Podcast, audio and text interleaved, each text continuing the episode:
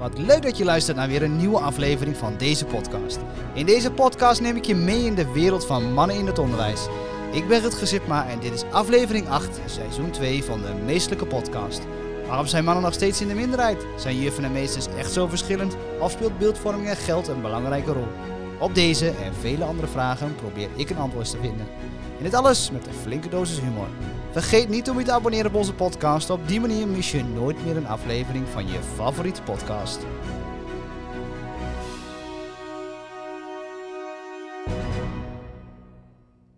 Ja, daar zit je dan. Yes.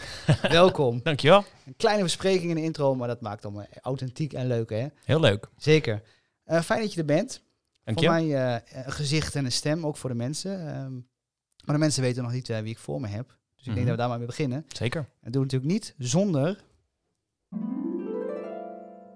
Het meesterlijke vriendenboekje. Nice. Ja, dat is mijn zoon, heb ik wel vaker verteld. Hè. Ja, leuk. Dus, eh, elke keer is hij nog steeds trots als ik het dan afspeel. En natuurlijk geeft het mij ook wel een trots gevoel. Ja, nou, en een vriendenboekje heeft ook wel een mooie waarde. Als in, het is eh, een heel persoonlijk gift wat je Ja. even geeft aan een ander. En eh, waar hij of zij zijn bijdrage in mag doen. En in dat opzicht is deze podcast voor mij ook wel een soort vriendenboek. Een, een meestervriendenboek. Ja, Dus ik ben eh, heel blij dat ik mag schrijven. ja Vandaag? Leuk. Ja, dat is leuk, leuk omschreven inderdaad. Ja, ik zie je ook als je het vertelt dat je ook straalt inderdaad. Ik vind het ook leuk dat je er bent. Dank je. En het is ook wel grappig dat er twee afleveringen achter elkaar een teken van lezen is. Ja, ik Heel verklap, goed. Ik verklap alvast dat dat je Ja. affiniteit natuurlijk is. Hè. Liggen weer stapel eh, boeken op tafel. En, en eh, van de luister leesboeken tot de lezende mens waar vorige week Martin het over had. Dus ik heb eh, zelfs een cadeautje gekregen. Dus ik heb er weer heel veel zin in. Maar we, we praten weer veel te veel. Ik weet nog steeds niet wie, wie naast mij zit. Mystery guest. Mystery guest. Ja, dan onthult hij zichzelf nu. Mystery Ja, guest, wilt u zich kenbaar maken? ik ben het, Geert. Geert. Ja, de- de, de, de boekenmeester eigenlijk. Ik ben a- sinds ik begonnen ben in het onderwijs al bezig met lezen en geletterdheid en eh, het enthousiasme, het warme hart uitdragen. Hoe leuk het is om voor te lezen. Eh, mijn hele naam is Geert Vermegen. Ik kom uit Rotterdam. Ik ben nu eh, 31 jaar en ik werk al ongeveer 10 jaar in het onderwijs. Dat deed ik eerst voornamelijk als dramadocent. Want dat is eigenlijk officieel mijn eerste gratis bevoegdheid. En daar, dat heb ik toen gedaan. In een puberale bui wilde ik absoluut niet de pabo doen. Want dat zei mijn moeder dat ik dat moest doen. ja, dat doe je dat niet, hè? Dat doe je Dat doe je natuurlijk zeker niet, nee. Ik ben eigenlijk heel blij dat ik dat heel goed naar mezelf heb geluisterd. En toen ben ik eigenlijk via een omweg bij de toneelschool terechtgekomen. En in Tilburg bij de Academie voor Theater mijn eh, bevoegdheid gehaald als eh, theaterdocent. Toen raakte ik weer in een soort eh, tweede puberteit, denk ik. Ik denk dat mannen gewoon heel vaak in een soort extra puberteit raken. En toen ben ik, eh, heb ik alles achtergelaten in Tilburg. Toen ben ik gewoon de, de sprong, heb ik de sprong gewaagd, de Maas over te steken. En toen kwam ik Rotterdam terecht. En dat was wel heel gaaf. Want daar was opeens een heel andere wereld. Ook wel met eh, problemen rondom geletterdheid, analfabetisme, echt zichtbare problemen waar mensen er niet uitkwamen. En ehm, na vijf of zes jaar als freelancer en theaterdocent te zijn geweest, ben ik eigenlijk, eh, heb ik weer een uitdaging aangenomen en ben ik voor de klas gaan staan. En dat doe je nog steeds. Ja, met heel veel plezier. En soms ook wel heel veel teleurstelling. Dat ik denk, ah, waarom snap jullie het nou niet? Maar er is iedere dag of iedere week wel weer een les die je geeft. Of een boek wat je voorleest. Waardoor je opeens weer het enthousiasme hervindt. En denkt, yes, ik kan het. Dus eigenlijk, je moeder heeft toch gelijk gekregen.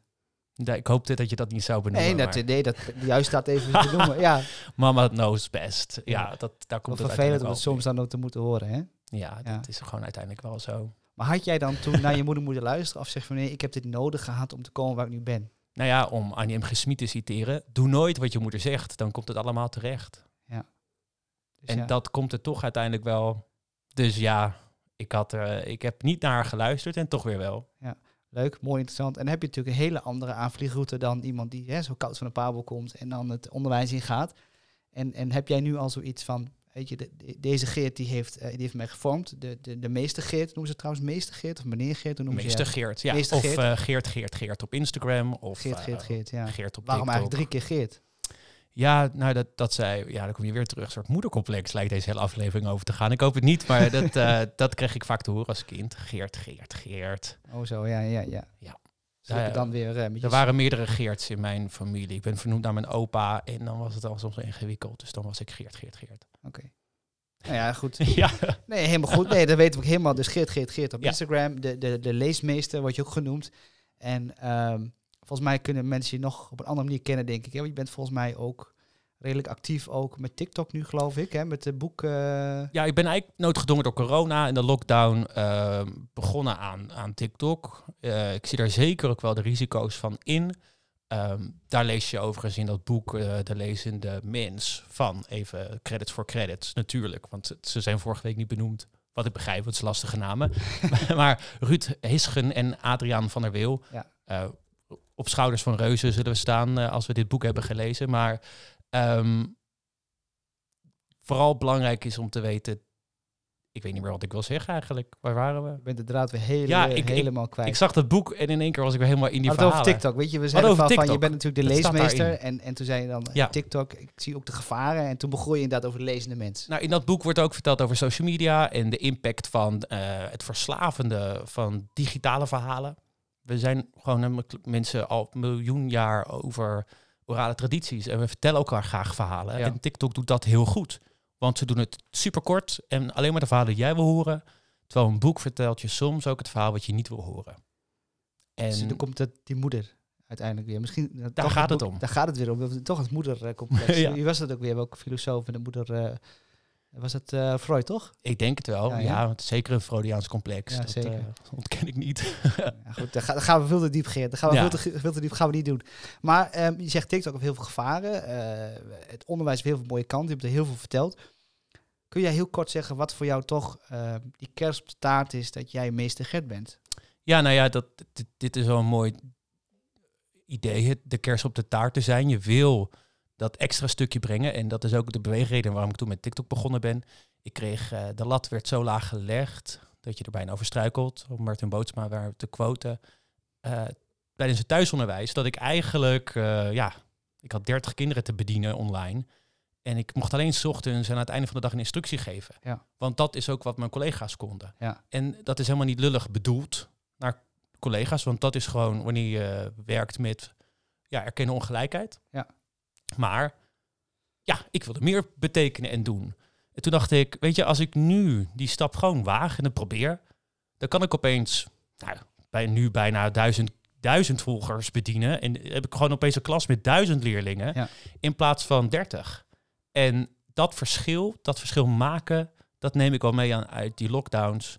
Want dat is ook wel mijn beweegreden geweest om dit jaar eh, alle groepen leesles te gaan geven. In plaats van maar één groep. Ik heb dus eh, voor de zomer in overleg met mijn directeur gezegd van ik wil eigenlijk eh, ook heel graag kleutersles geven, maar ook groep 8. Ik had een aantal jaar groep 6 achter elkaar. En ehm, ja, ik denk dat ik ook andere leerkrachten en collega's enthousiast kan maken over lezen als ik meer leerlingen zie. En toen zei ze, dat is goed, maar dan wil ik ook dat je op de andere school gaat werken. Dus toen zag ik in één keer, nu zie ik per week 300 kinderen fysiek in een lokaal. En voorheen waren dat dan maar 30. En wat heeft jou daartoe bewogen? Je zegt van ik, ik weet dat het anders kan, ik wil mijn enthousiasme overbrengen, maar ehm, wat had jij, of wat wil je brengen en wat heb je nu gebracht? Is, het, is de verwachting uitgekomen, laat ik het zo zeggen? Absoluut. De verwachting is zeker wel uitgekomen. En dan word je, zodoende zul je het noemde ook de kerst op de taart beschouwd. Namelijk eh, Irene Harmsen, eh, I love her. Zij is echt een soort van half godin voor mij. Ehm, Ja. Ik ontmoet haar eh, af en toe en ik spreek haar wel eens online. En ehm, ze was laatst in een les bij mij kijken. Toen zei ze, weet je Geert, wat jij doet is gewoon de kers op de taart. Het slagroom op het gebakje. Eh, en dat moet je je wel realiseren. En daar gaf ze me wel de feedback die ik voorheen nog niet kreeg. Namelijk, je bent niet de norm. Nee, dat is natuurlijk het gevaar, hè? dat Ja. jij inderdaad dat gaat eisen van je, van je collega's. En, eh, maar zou dat de norm moeten zijn dan? En wat jij doet? Nee. Ik denk ook niet dat dat vol te houden is.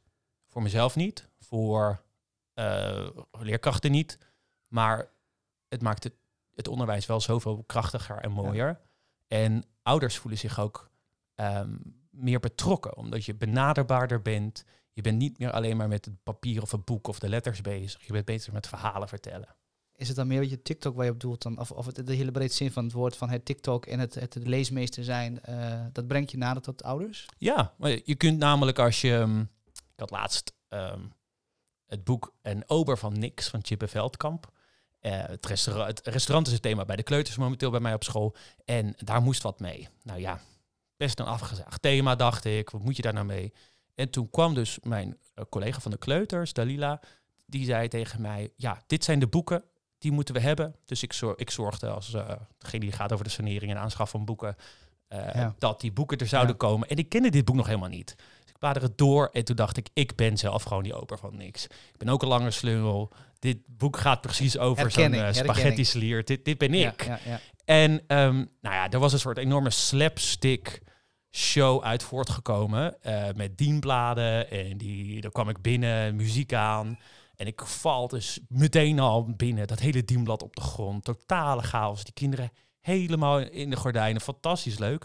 En daarna mochten zij. Want het leukste is met kleuters. Die vallen natuurlijk om de haverklap. Per ongeluk. Maar als je vraagt aan ze of ze expres willen vallen, Ja, dan ja, is gewoon feest. Ja. En dan dat boek erbij. En nou, deze les kan ik nu een aantal keer per week doen, omdat ik meer de kleu- kleuterklassen zie. En wat gebeurde er bij de derde of vierde les? Kwam mijn moeder net een, voor mij, zakje brood of fruit brengen. Dus die vraagt aan mij, mag ik het naar binnen brengen? Ja. En ik zei alleen op een dienblad. Dus zij loopt met me mee. En ik denk, waarom moet ik dat op het dienblad zetten? En ze ziet dus nou, 30 kleuters met dienbladen rondlopen... die de hele tijd op hun plaat gaan. En ze begrijpt opeens wat we aan het doen zijn. Doet gewoon mee. Fruit over de grond. Is helemaal niet erg. Ja. En toen dacht ik, ja, dit is wel wat je kunt vragen... en hoe je ouders erbij kunt betrekken... zonder dat je meteen zegt, wil je komen voorlezen? Nou, en is dit dan ook niet de kern van hoe je eh, het onderwijs zou moeten geven en hoe je als leerkracht zou moeten zijn? En je hebt natuurlijk in dit geval het lezen, maar volgens mij gaat dit tot in het diepst wat je als leerkracht wil zijn. Het past bij jou, het past bij die kinderen en je gaat tot in die vezels bij die kinderen iets aanleren. Ja, en het stukje humor...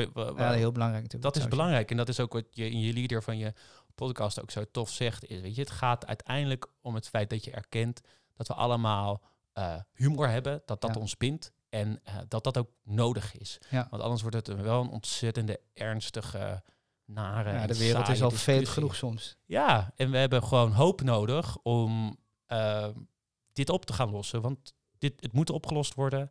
En er moeten wel even allemaal de schouders onder zetten. En, en los van het hele lezen, hè, hoe belangrijk zijn wij als leerkrachten in dit hele proces voor kinderen? ja, ongelooflijk belangrijk. Je kan, echt, je kan echt het verschil maken om ervoor te zorgen dat een kind zich weer succesvol voelt, dat hij het gevoel heeft dat hij het kan ehm, en dat hij gezien wordt. En niet ieder kind vraagt die aandacht. Ik was vroeger ook niet het kind wat die aandacht vroeg. Mijn broertje, als ik net vertelde, voor mij stond de podcast nog niet aan, maar Nee. die stotterde. En ik las hem dan soms wel voor. En daar was gewoon veel meer aandacht in dat opzicht nodig voor hem. En ik was ook niet het kind wat daar naar vroeg. Ik was gehad dat mijn ouders ook vroegen van heb je je nooit ehm, achtergesteld gevoeld. Maar dat, eh, die indruk had ik helemaal niet. En ik vroeg die aandacht op school ook niet. Ehm, maar ik heb ooit een leerkracht gehad, Jafiri, groep 8, als je luistert. Ik denk nog steeds aan je. In positieve zin dan. In een hè? ja, positieve in een zin. positieve zin. Oké. Want Jafiri was gewoon ook een klimaatactivist. Ja. Gewoon, eh, dan kwamen we naar school en dan zei ze, ja, ze is er niet. En dan zei we, wel, waar is ze dan? Zei ze, ja, ze is op de Noordzee. Wij zeiden, oké, nou, wat gaat ze nou doen? Ja, de Noordzee komt niet terug. Niet heel snel. Want, want ze is vastgebonden aan een eh, boei. Oh, oh, waarom? Nou ja, dat wilde ze zelf, want ze is tegen eh, boringen. Oké, nou en dan kwam ze een week later terug. En dan nou, verhalen. Prachtig. En daarna pakte ze een voorleesboek en wist daar dan een koppeling te maken. Ja, ik vond het zo fantastisch. En ehm, ik weet nog dat heel veel kinderen dan echt niet geloofden dat ze dat dan deed. Eh, maar ik wel. Ik geloof, ik geloof Ja. echt heilig in haar doelen. Ehm, maar wat zij wel vaak deed, is dat ze in je laadje iets achterliet eh, om te laten blijken dat ze je ziet. En ehm, dat neem ik dan mee. En dat doe ik af en toe ook wel eens. En dan in de vorm van een boek.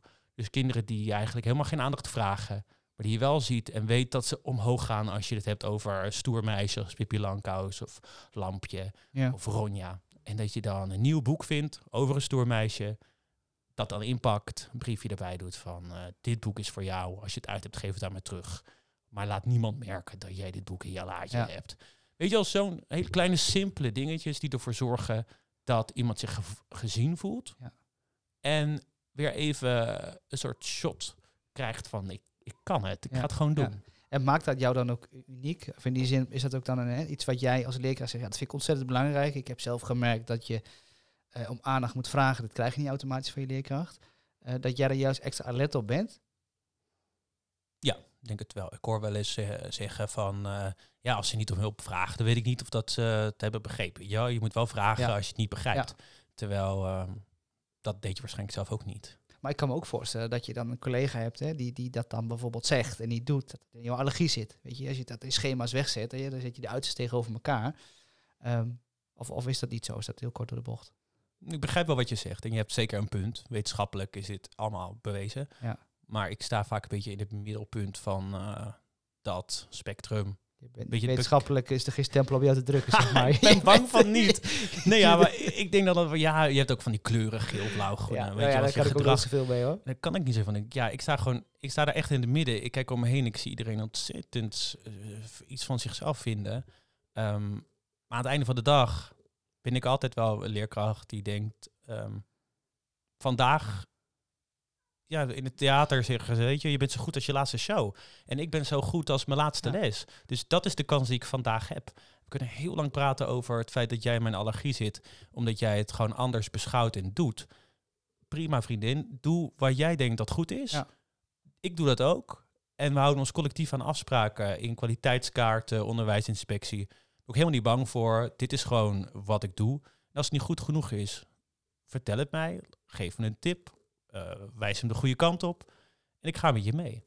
Nou, ik denk dat het heel mooi zou zijn als heel veel leerkrachten er zo in zouden staan. Hè? Als je dat, dat zou kunnen. En ik, ik, ik herken wel heel veel dingen. Maar ik kan me ook heel veel voorstellen dat als een, een startende leerkracht of een student luistert, zegt, ja, het is mooi dat die Geert dat zegt. Maar die heeft jaren ervaring, die heeft dit gedaan, die heeft in het theater gestaan, die heeft zus gedaan. Hoe kom je tot waar jij nu bent? Of moet je, je hebt het of je hebt het niet? Is het de X-factor? De G-factor? De G-factor. Nou, nee. Ik denk dat... Terwijl je ehm, toch op de basisschool niet de Geert was zoals je nu bent. Dus je hebt ergens iets, iets doorgemaakt, een reis. Ja, nee, ik heb wel heel veel gehad aan het feit dat ik ehm, heel veel ruimte kreeg van mijn ouders om de beroepskeuze te maken die ik wilde, die bij mij paste op dat moment. En ik was gewoon echt een jonge leerling, ook piepjong toen ik van de middelbare school afkwam. En ehm, toevallig zat ik net in de trein volgens mij naast een paar Pabo-studenten die eh, ontzettend... eh, Dat zie je, dat ruik je en alles. dat ruik ja, dat ruik je. is net zo'n oud mufboek. Ah. Nee, het waren hele leuke meiden hoor. Maar ehm, toen dacht ik, ja, wel, jullie zijn straks 21, 22 als je klaar bent. Ja, wat was ik toen ik 21, 22 was toen? Ik was echt niet in staat om zelfstandig zo'n groep te draaien. Ik, ik zou dat echt niet hebben gekunnen. Ehm, en wat ik zei, ik, ik moest gewoon nog een paar puberteiten door, denk ik. En ehm, Heb je een midlife crisis nog niet eens gehad? heb je die nog eens gehad? Nou, dat wordt nog wat. Als het zover is. Nee, maar ik, ja, ik bedoel meer, het is, het is lastig om te erkennen dat je ergens gewoon nog niet klaar voor bent. En dan moet je ook gewoon accepteren dat je... Nou, ik denk dat je nu wel iets heel moois zegt. Want vaak hè, dan is hetzelfde. Als jij je diploma hebt, moet je het kunnen. Als je eh, je rijbewijs hebt, moet je kunnen autorijden. Maar Ja. iedereen weet, als je na tien jaar, ja, dat je het op een gegeven moment misschien enigszins kan. En met leren ook elke dag. Ik stond vanochtend even voor een groep. Ehm, ja, dan kun je op je ervaring kun je heel veel doen. Maar toch ook die kleine dingen. Je doet, maakt nog steeds fouten. En als dat ook uitgesproken is, dat je als startende leerkracht niet hoeft te zijn waar je buurman staat of je buurvrouw staat. Ja, die valkuil ben ik ook ingestapt. Dan kom Ja. je in een team, ervaren leerkrachten, die werken er al jaren. En dan wil je het net zo goed doen als een ander. Ja, ja, ja, zeker. Maar is dat dan altijd goed? Weet je, als ik terugkijk, denk ik, nou weet je, ik deed heel veel dingen anders, maar waren die dan zoveel slechter? Nee, dat denk ik ook niet. Nee, nee, maar dat is wat ik eerder zei over Ja. je bent zo goed als de laatste les die je geeft. Dat is mijn motivatie. Dat is mijn ook eh, reflectiemoment. Aan het einde van de dag, als ik mezelf in de spiegel aankijk, weet ik dan, ik heb de beste les gegeven. En tuurlijk heb ik soms ook op automatische piloot zo'n les gedraaid en gedacht, weet je, dit, dit verdienen zij niet. Ze Nee. verdienen echt Ja, de maar je nooit, allerbeste je les. kunt niet pieken, weet je. Nee, zeker niet 40 uur per week. Nee. Nee, dat, eh, dan moet je concessies doen. En die moeten dus niet worden gedaan Aan het lezen. aan het lezen. Nee, want jij zegt, zeg je dan ook tussen, tussen neus en lippen door van, weet je, de, de werkdruk is heel hoog, we moeten heel veel doen. Maar eigenlijk kan ik niet de leerkracht zijn, elke les die ik zou willen zijn. Nee, nee die, en die keuzes zijn moeilijk te maken. Eh, maar als je uitzoomt, dan zijn er gewoon een aantal prioriteiten. En ik heb wel altijd, als je het dan hebt over een bepaalde x-factor of zo, of eigenheid, ik heb altijd wel gedacht, de drie prioriteiten zijn voor mij heel zichtbaar en duidelijk in de leerlijnen en terug te herleiden. En toen ik net begon, was het enige wat ik wist die leerlijnen van groep 6. Ja. En daar kon ik mijn eigen lessen omheen ontwerpen. En dat vond ik echt heel erg leuk om te doen. Um, maar ik heb wel moeite met het feit dat um, er snel weer naar een methode wordt gegrepen. En ik bedoel, methodemakers doen echt ontzettend hun best. Ze doen prachtig werk. Maar het is wel makkelijk werk. En um, het zijn niet de beste lessen die die kinderen verdienen. En daar maak ik me dan wel druk over. En daar maak ik af en toe ook wel een keuze in het debat of het gesprek wat ik ga hebben met een collega. Weet je, als jij gewoon heel graag die methodeles geeft, doe je ding. Want de eerste vraag die ik vaak krijg als ik zeg, joh, laat eens een keer anders de komende tien weken, tot aan de volgende vakantie, die methode is los. Ja. En pak die vijf leerdoelen, die worden getoetst in dat toetsje, pak ze erbij. Zoek een mooi boek uit wat erbij past, een dichtbundel. Um, nu bijvoorbeeld Nederland leest, de regels van drie, Marjolein uh, Hof. Neem het boek, haal het op bij de bibliotheek, deel het uit, lees het samen en vind er wat van. Ga altijd op zoek naar het, uh, procesmatige onderwijs en oordeel tussendoor. Hebben ze de doelen bereikt? Heeft iedereen een acht? Einde. Je zegt wel iets moois, je zegt het proces. En volgens mij is dat ook bij lezen, merk ik wel eens. Het is lastig te toetsen. Het is niet, weet je, als je een rekentoets hebt, of je hebt een, een, een tempotoets gedaan voor tafels, dan is het heel snel makkelijk even die endorfine van, oh, ze hebben het goed gedaan. Maar bij lezen is dat proces wat langer. Ja. En, en, en is, zou dat mee kunnen spelen, dat dat ook meespeelt? Dat collega's niet gelijk dat, yes, het is me gelukt gevoel krijgen? Nou, ik denk dat methodemakers erin geslaagd zijn om te laten blijken dat rekenen is op te delen geweest in een aantal doelen. Terwijl dat is natuurlijk ook niet. Dat is ook een heel lang proces. Ja.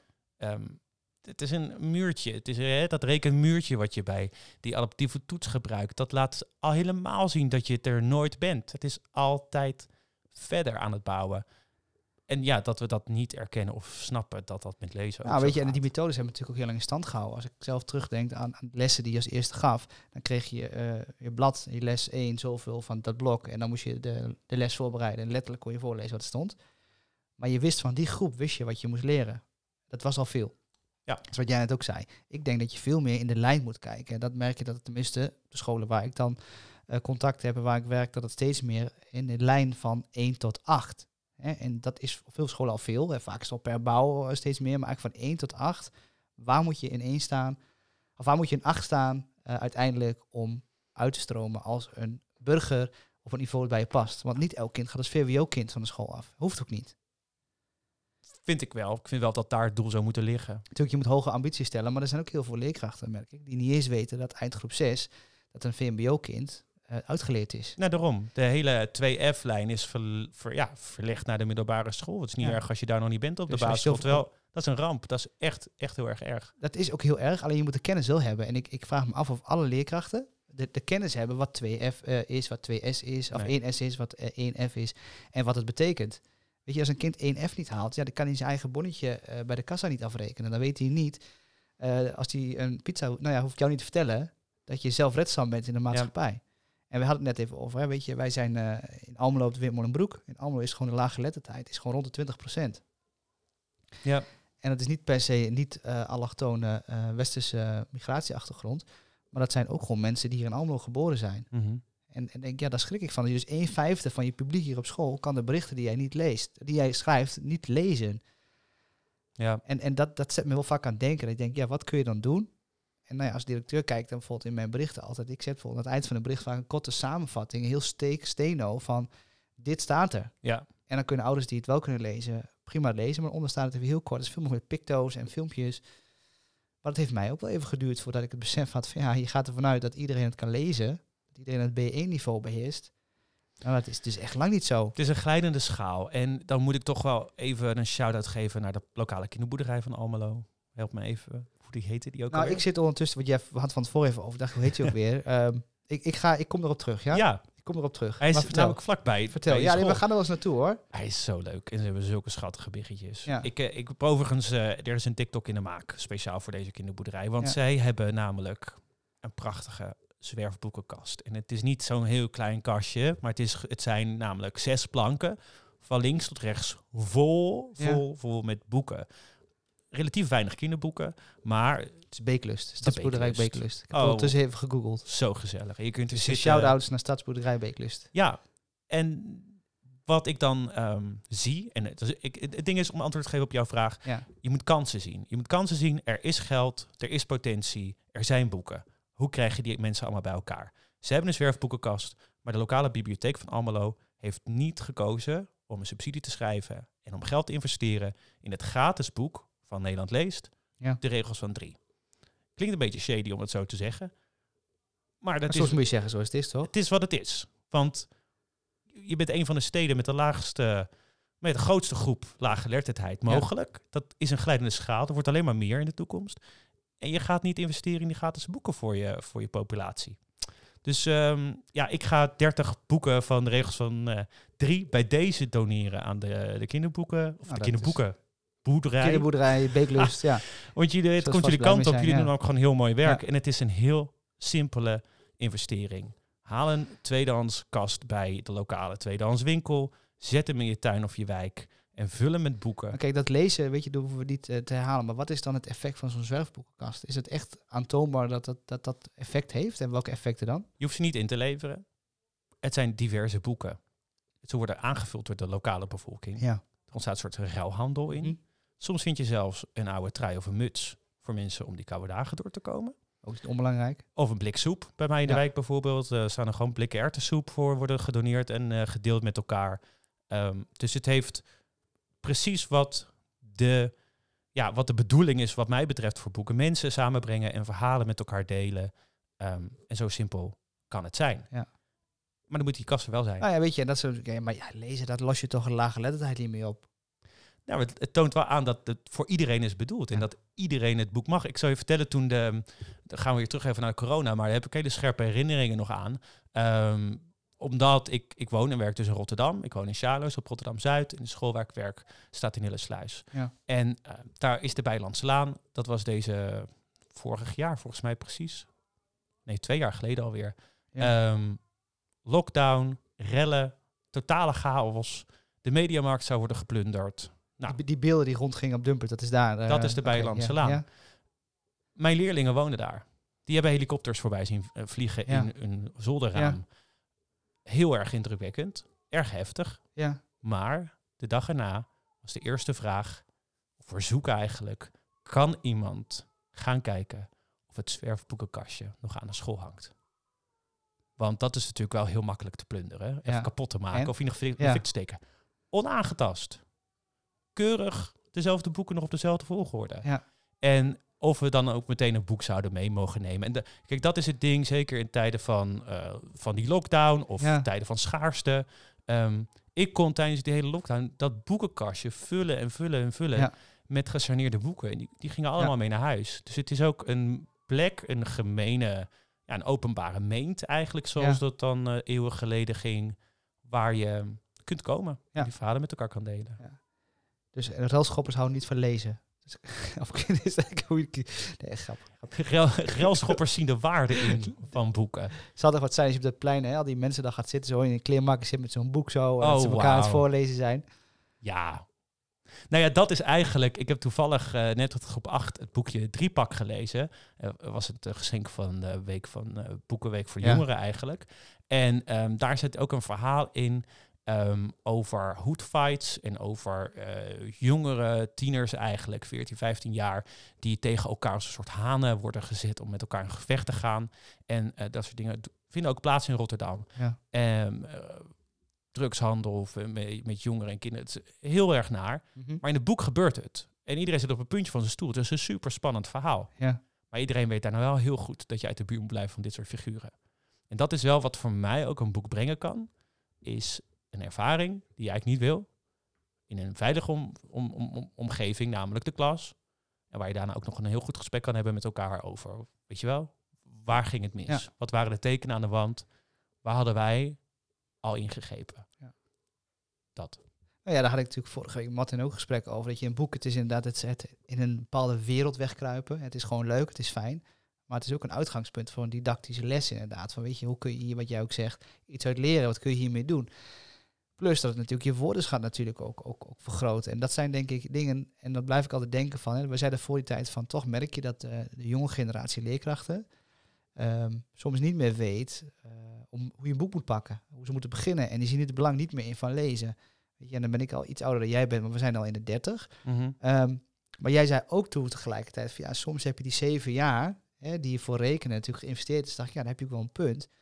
Zullen we dan over drie, vier, vijf jaar misschien op een heel ander punt staan? Daar ben ik wel heel nieuwsgierig naar. Ja, Of- ik denk wel dat die golfbeweging gaat. Wat merk je gebeuren. daar al iets van? Nou, ik merk wel dat bijvoorbeeld ehm, er nu niet meer wordt gehandeld vanuit ehm, een alwetende geldschieter die bijvoorbeeld alle boeken aanschaft. Ja. Eh, een mooie keuze die eh, Mariska Taalhuizen, mijn directrice, heeft gemaakt, is dat ze zegt, ik neem iedereen mee in de aanschaf van nieuwe boeken. Dus als we nieuwe boeken gaan halen, gaat het heel team mee. Jullie kiezen allemaal vijf titels uit. De rest vullen wij aan. Maar ehm, pak boeken waar jij je Ja. gerepresenteerd voelt. En ik werk natuurlijk ook in een heel divers team. En er was een collega die eh, onlangs tegen mij zei, waar is mijn boek? Want ze had natuurlijk een boek uitgekozen met een, met een bruine, met een donkere prinses. En zij zei, daar heb ik dus als kind echt gemist? van Ja. gedroomd. Ik heb dat, ik heb mezelf nooit, ik heb nooit gedacht dat kinderboeken over mij zouden gaan. Dus ik wil dat boek. Ja. En ik zei, maar ben je, wat ben je er nu aan het voorlezen? Ze zei niets. Ik wil gewoon dat boek voorlezen. Ja. En daar gaat het hem om.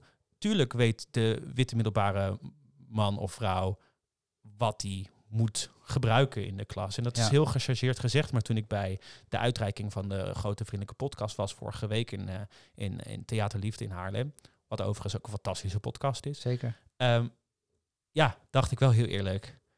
Het is eh, redelijk middelbaar, geleeftijd. Maar, maar zeg je dan eigenlijk ook hè, dat, dat het, eh, de, de ongelijkheid en dat dit ook meespeelt? Hè? Want volgens mij ben je, maak jij ook hard voor, toch? Voor, voor boeken die meerdere mensen aanspreken. Die, Die diversiteit is Die heel diversiteit, belangrijk. zeg jij En die? Je had het net over woordenschat. Ja, En eh, ik breid mijn woordenschat ook uit door boeken die niet eh, in mijn jeugd verankerd liggen.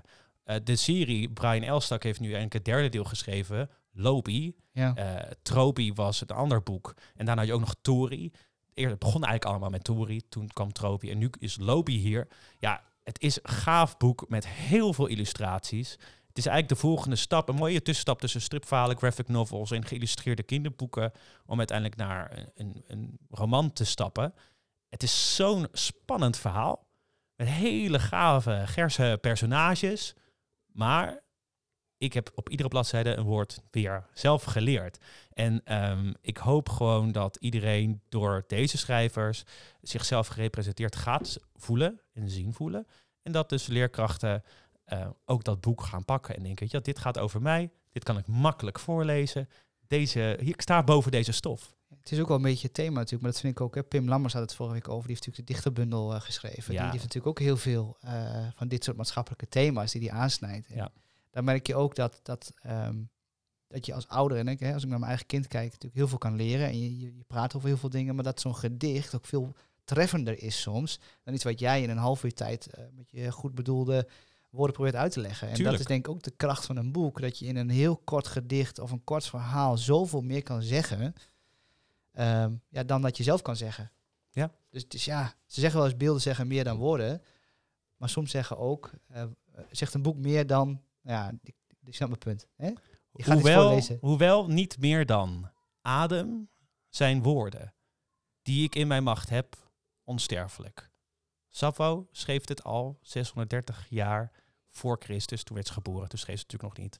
Maar ze leefde tussen z- 630 eh, tot 575 voor Christus. En Ja. ze schreef dit al. Inzien dat woorden lucht zijn, net zolang tot jij ze onder controle krijgt en in jouw macht hebt. Want dan, dan worden ze onsterfelijk. En Ja. dan ben jij ook onsterfelijk. Ik heb wel eens een les, ben wel eens een les begonnen in de klas dat ik zei, wie wil er een superkracht? Iedereen wil een superkracht. Supersnel rennen, supersterk zijn, onzichtbaar zijn. Oké, welke kracht heb je echt het meest aan?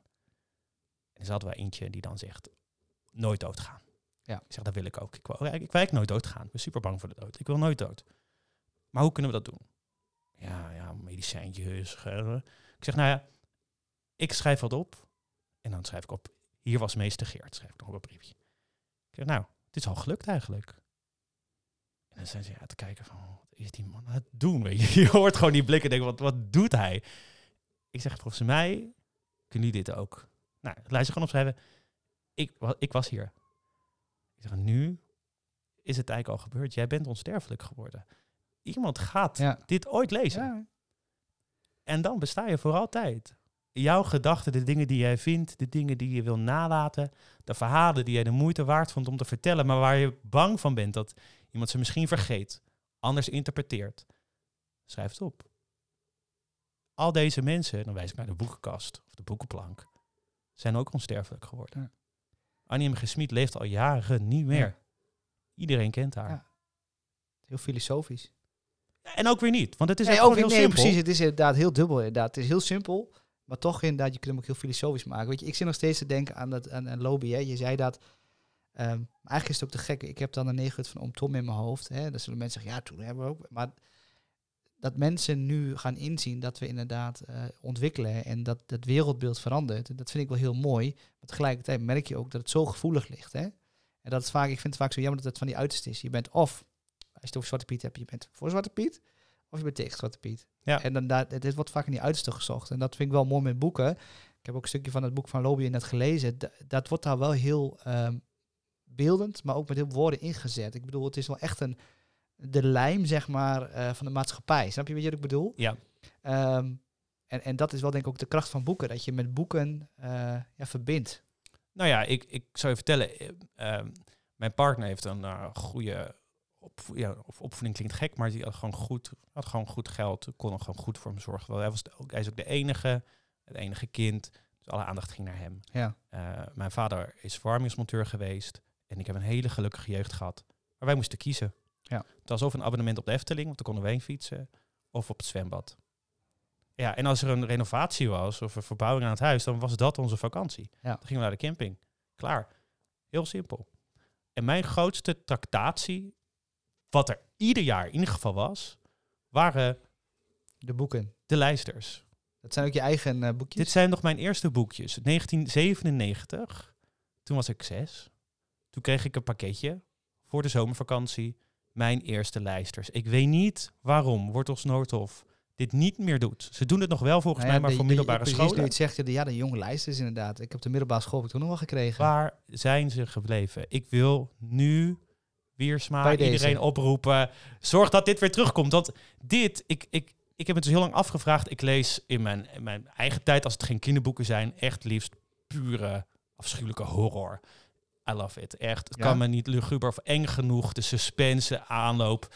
Het gaat me nog niet eens om het bloed, maar het gaat me gewoon om, om gewoon hoe spannend Thomas Oldeheuvelt. Ik weet niet of je zijn boeken wel eens hebt gelezen. Nee. Hij, ja, hij is een beetje zeg maar Stephen King van Ja, ik hou niet zo, ik ben niet zo in het genre. Ik weet je, thriller, goed, goede thriller eh, vind ik nog wel. En vooral de Scandinavische, Scandinavische thrillers. Ja. Maar ik hou niet zo van horror. Ik vind dat eng. Ja, nee, dat, Ik ben een beetje scheiterd. dat had ik al door. maar dit boek, het Akketakkenkistje Dat is meer in mijn straatje. van Iwe Biemans. Nou, vergis je niet. Dit is horror van de bovenste ladder voor, voor, voor startende lezers. Oh ja, dit- qua, qua niveau? Echt, en het is echt een eng verhaal. Even kijken of ik een, eh, of ik een eng stukje kan voorlezen. Maar het gaat over een jongetje, die krijgt zilveren schoentjes van een heksje. En die zilveren schoentjes, die zijn gewoon heel zwaar op een gegeven moment. En die zorgen ervoor dat hij niet kan ontsnappen natuurlijk.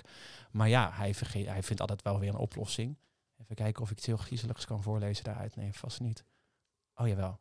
Voorzichtig keek hij over de rand. En jawel hoor, ze klom inderdaad de boom in. En wat klom ze snel? Wat moet ik nu doen? dacht Visje.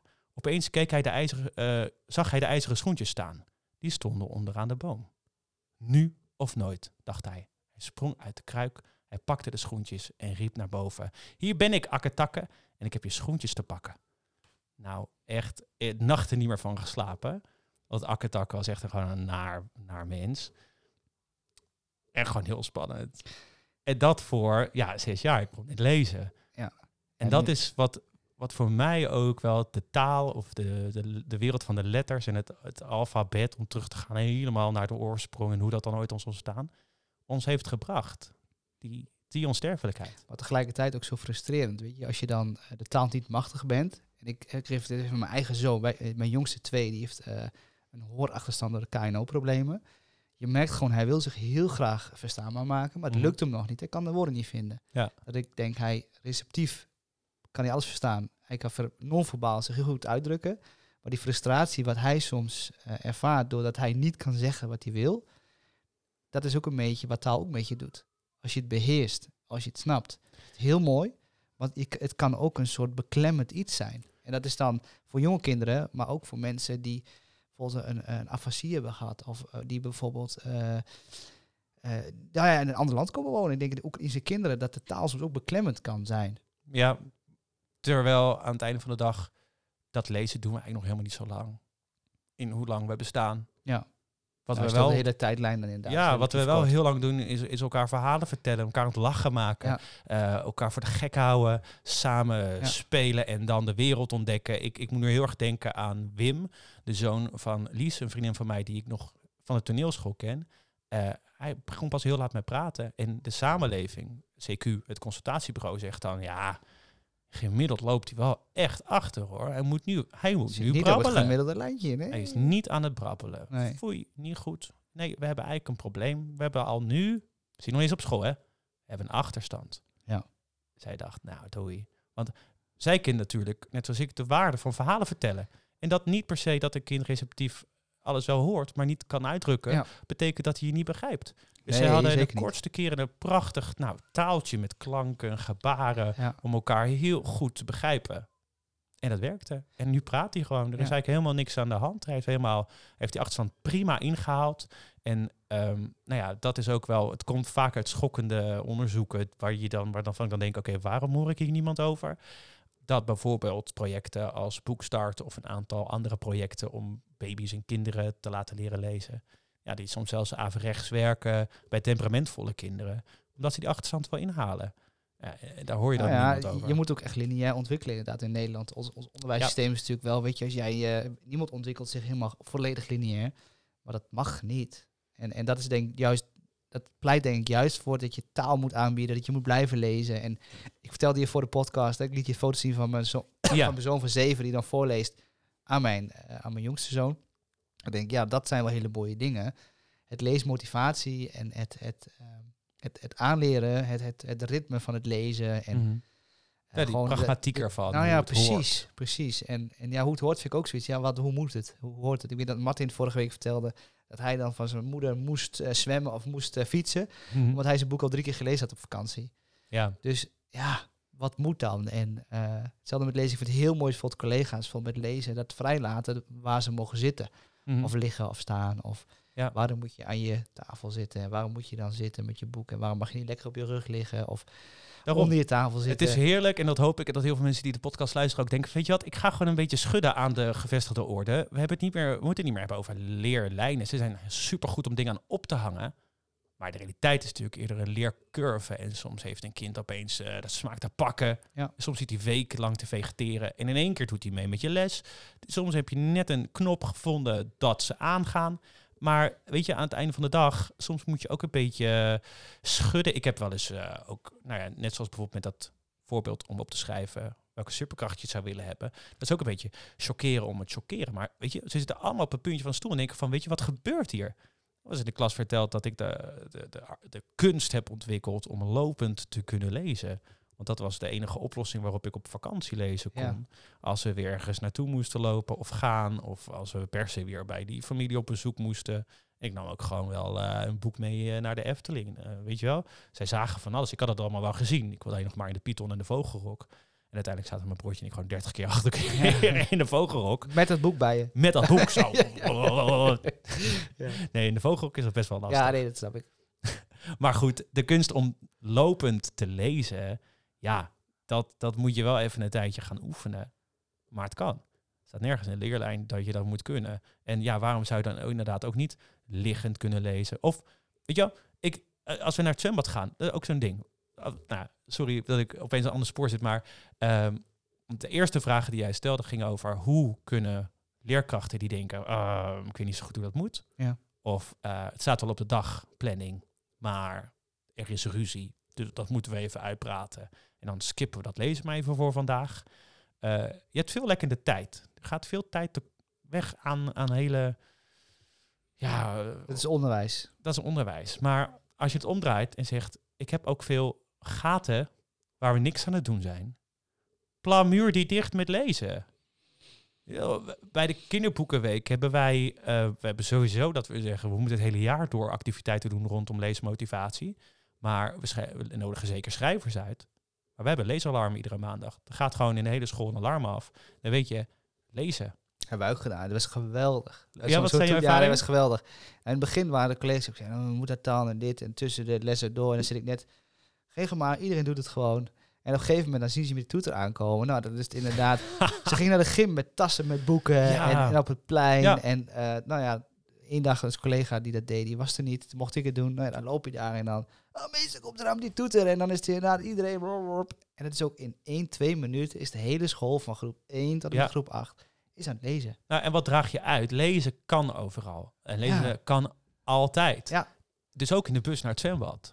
Want ja, in groep 6... Op de kar op het plein. Ik heb wel. foto's van. Dat ze lekker op die karren zitten. En dan gaat het. Fantastisch. Ze laten alles vallen en ze pakken het boek en zitten te lezen. Maar waarom zou je... Wij gaan dan met de bus eh, vanaf de school naar Ja. zwembad. Of komt eh, iedere twee weken zo'n hele bus aan. En eh, dan moet groep 5 en groep 6 daarin. Ja. Ja, weet je...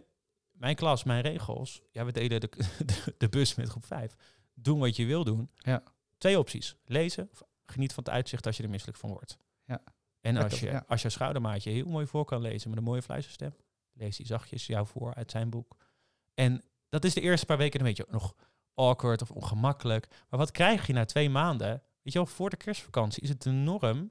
En dan krijg je dus ook berichten op Paro van ouders die zeggen: Waarom, waarom ga ik ga zaterdag zwemmen met mijn kind? Zeggen ze dan. Waarom moet dat boek mee? Waarom moet hij een boek meenemen? ik zeg, nou ja, want als je bent omgekleed, dan mogen ze van mij al verder weer gaan lezen in dat boek. Dus ouders zijn je heel dankbaar. Ja, nou ja, dat is maar. Ja, ik heb geen boek, zeggen ze dan. Ik zeg, nou, dan word je lid van de Biep. Je neemt er eentje mee van het zwerfboekenkastje. En ik heb ook nog wel een heel leuk boek voor je. Dat mag je gewoon hebben.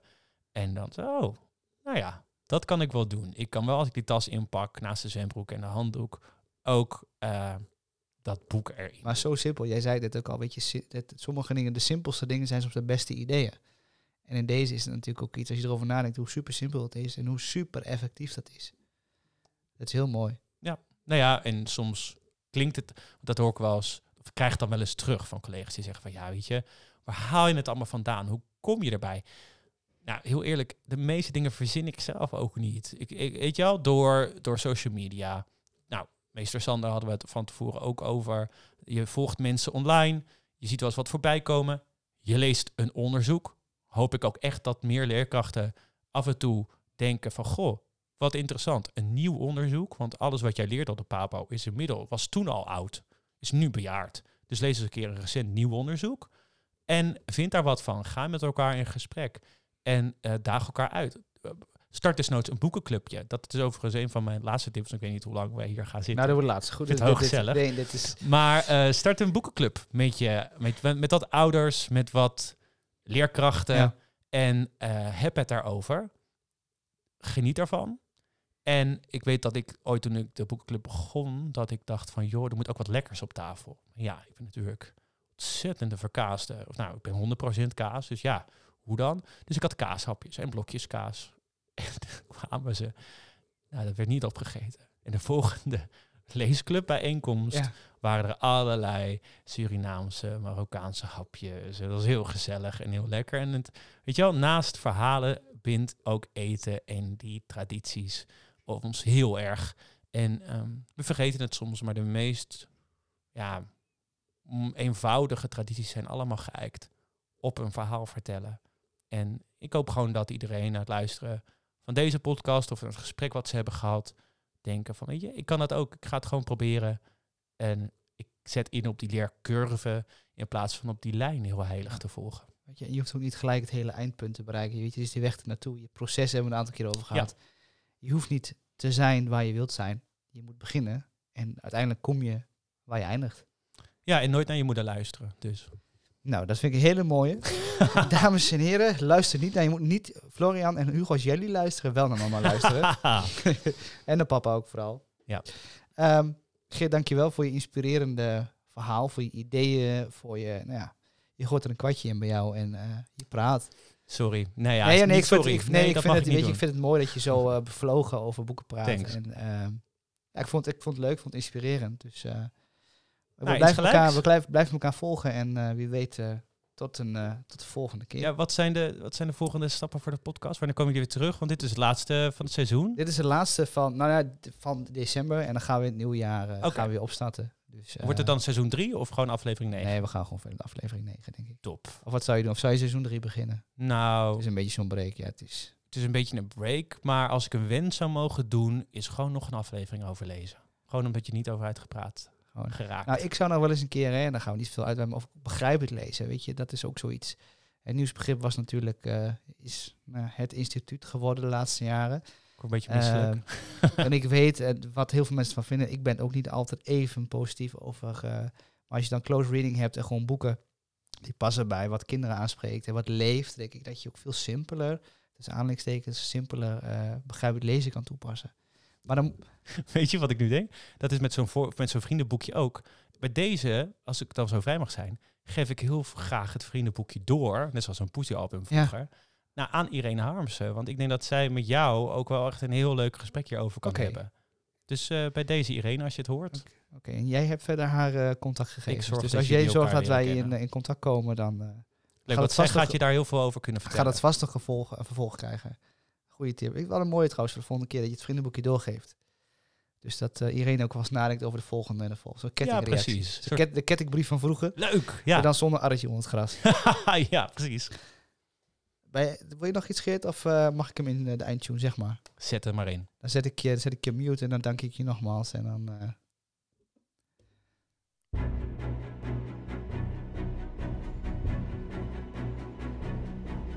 Wat leuk dat je hebt geluisterd naar een nieuwe aflevering van de Meestelijke Podcast. Vergeet niet om je te abonneren, zodat je nooit meer een aflevering mist. We hopen dat je bent geïnspireerd, bent geprikkeld of dat je gewoon met plezier hebt geluisterd. Met welk doel of gevoel je ook hebt geluisterd, wij zijn natuurlijk ontzettend nieuwsgierig wat je ervan vond. Praat er ook mee via onze Instagram, aapstaartje de Meestelijke Podcast. En laat vooral even weten wat je van deze aflevering vond. Ook tips en suggesties voor de volgende podcast kun je hier achterlaten. Vond je het leuk? Vergeet dan niet om ons lekker veel sterren te geven in je favoriete podcast app. Bedankt voor het luisteren en tot snel!